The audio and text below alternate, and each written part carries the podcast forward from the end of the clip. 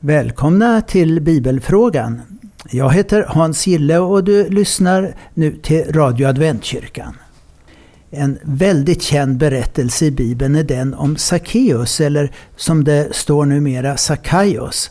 Han ser ut till att ha varit väldigt rik, men Jesus säger ju att det är svårt för rika att komma in i Guds rike. Sackeus är ju ett dåligt exempel på sanningen i detta. Och varför ställer inte Jesus samma krav på Sackeus som han gjorde med en annan rik man som skulle sälja allt? Berättelsen om Sackeus hittar du i Lukas 19 kapitel. Jesus var vid det här tillfället på väg till Jerusalem tillsammans med sina lärjungar och säkert många, många fler. Det betydde säkert att lärjungarna blev väldigt fokuserade på vad som skulle komma att hända när de skulle komma fram till Jerusalem. De ville ju att Jesus skulle ta makten och driva ut romarriket. Det är tydligt att Jesus inte låter sig hetsas av förväntningarna och tar tid med den som kommer till honom.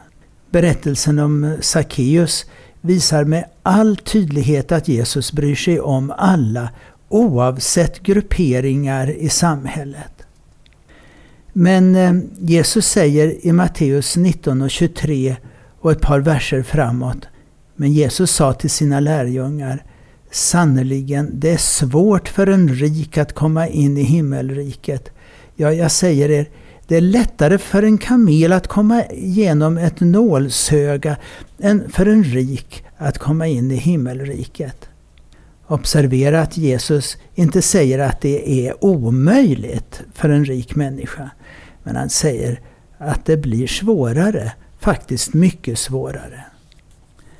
Det finns ett par saker att lägga märke till. För det första, händelsen kommer att hända i staden Jeriko. Och Jeriko det var ju centrum för Jordandalen med dess trädgårdar och palmlundar. Så också var Jeriko väldigt viktig eftersom den låg vid en stor handelsväg mot Orienten. Så här fraktades stora mängder varor och här var en viktig handelsknut. Det fanns därför stora vinster att göra också vid tullen till staden. Och Sackeus han hade arrenderat ansvaret för hela tulldistriktet och det var helt tydligt mycket vinstgivande vinterklimatet det var milt här. Så Herodes hade byggt ett vinterpalats åt sig. Utgrävningar från det gamla Jeriko som ligger tre kilometer norr om det moderna bekräftar också beskrivningarna av staden som vi ser i Gamla Testamentet.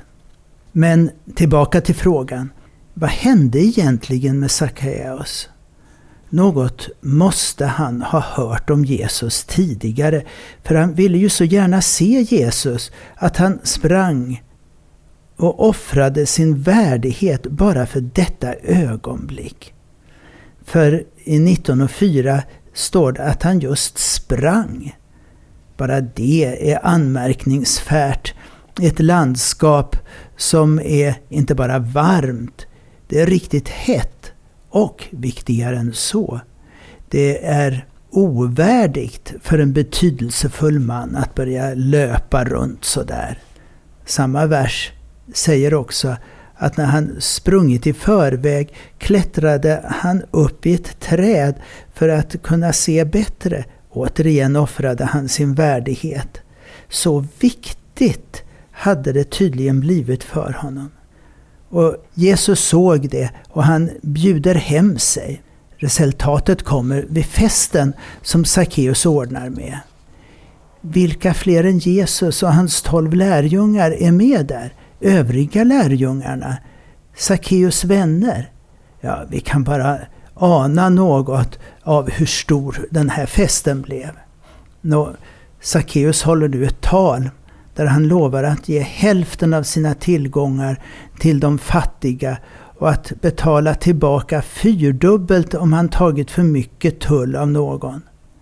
Vers 8.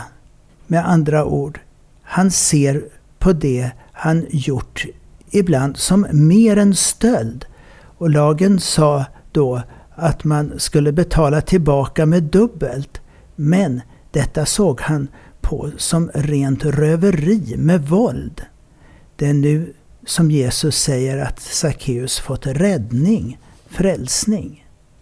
Men det är bara strax innan i kapitlet före som Jesus får besök av just den här rike mannen. Det är då innan han kommer fram till Jeriko. Den mannen står det att han var högt uppsatt. Du läser om det i Lukas 18 kapitel och vers 18 och framåt. Jesus anar tydligen från början att något inte stämmer helt. Jesus frågar honom varför han kallar honom gode mästare. Ingen är god utom Gud. Så pekar Jesus på de tio budorden och mannen menar att detta har han hållit hela sitt liv.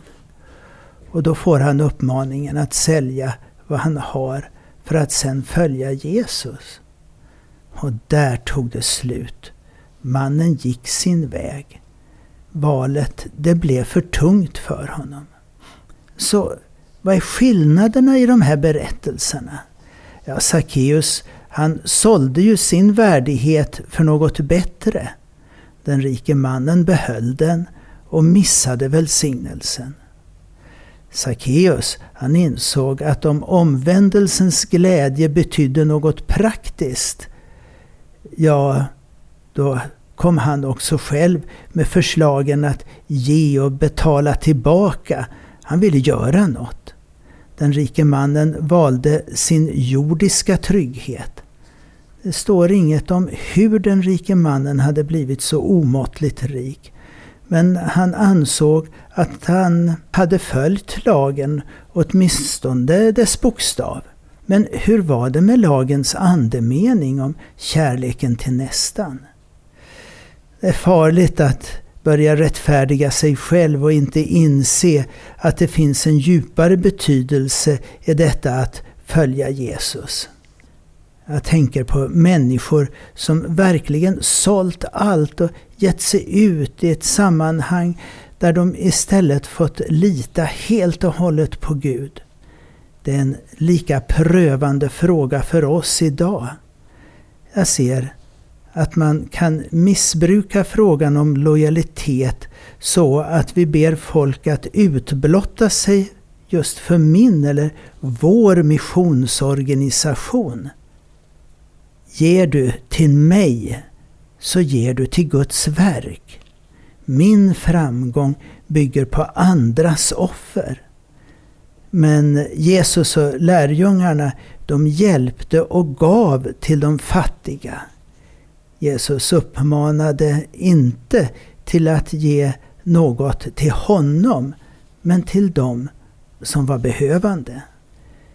Så vad hade hänt om den rike mannen istället för att hävda sin oskuld och rättfärdighet hade frågat Jesus, vad kan jag bidra med? Som Sackeus. Om han då hade sagt, jag ger hälften, jag ska sluta sko mig på andras bekostnad eller något i den stilen som hade visat på en verklig sinnesförändring. Ja, vad hade hänt? Att Jesus gör olika med oss människor är helt tydligt. Frälsningens väg är olika för var och en och därför är det olyckligt om vi jämför oss med varandra. Jag får ta vara på den frälsningens väg som Jesus kallar just mig till.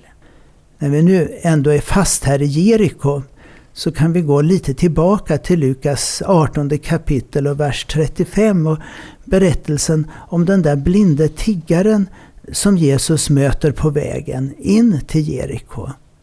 Fråga 1. Var det en eller två tiggare? Ja, Matteus han nämner två. Markus och Lukas säger att det var en. I Markus har han dessutom ett namn, Bartimaios eller Bartolomeus. Men var de två eller en tiggare? Antingen kom Bibelns författare helt enkelt ihåg lite olika, eller så var den ene så mycket mer framträdande och känd av de övriga. I Matteus står det att båda två följde med Jesus när han fortsatte vägen upp mot Jerusalem. Och ändå har vi i Markus bara namnet på den ene. Vad hände sedan som gjorde att den andra blinde tiggaren tappades bort? Ja, det vet vi ingenting om. Gick den andra tillbaka lite tidigare till sin hemstad? Blev Bartolomeus kvar bland lärjungarna? Ja, vi vet inte. Men det viktigaste är det som sägs. Alltså dialogen med Jesus, mannen och folket. Det finns en hel mängd med människor som blev botade av Jesus som det inte berättas någonting om. Eller ganska summariskt som i Markus 1 och 34. Han botade många. Eller Lukas 7 och 21. Jesus hade just botat en mängd människor. De som finns kvar som berättelser har ett extra budskap till oss. Och här är det. Det runt omkring säger till den blinde att det är Jesus från Nasaret. Men den blinde i Lukas, han säger Jesus, Davids son. Han kunde lika gärna ha sagt Messias, för det var så man ofta kallade Messias, alltså Davids son. Så den blinde erkände Jesus som Messias och allt det som var knutet till honom av gudomlighet. Märk att folket försökte tysta honom. Jag har tänkt att det var för att inte Jesus skulle störas av honom. Men tänk om det var för att han ropade ut sin bekännelse om vem Jesus verkligen var. Messias, uppfyllelsen av alla profetiorna. Och Jesus ger både honom och folket bekräftelsen på att Bartolomeus sagt rätt om Jesus. Du kan se, din tro har hjälpt dig. Ja, frågor som dessa och andra kan du ringa in på telefon 031 711 1199 eller så skriver du mejl till radioadventkyrkan i ett ord snabela telia.com och besök gärna våra gudstjänster lördagar klockan 11.30 på Norra Legatan 6 nära Järntorget. Du har lyssnat på Radio Adventkyrkan och jag som svarat i dagens bibelfrågan heter Hans Gille.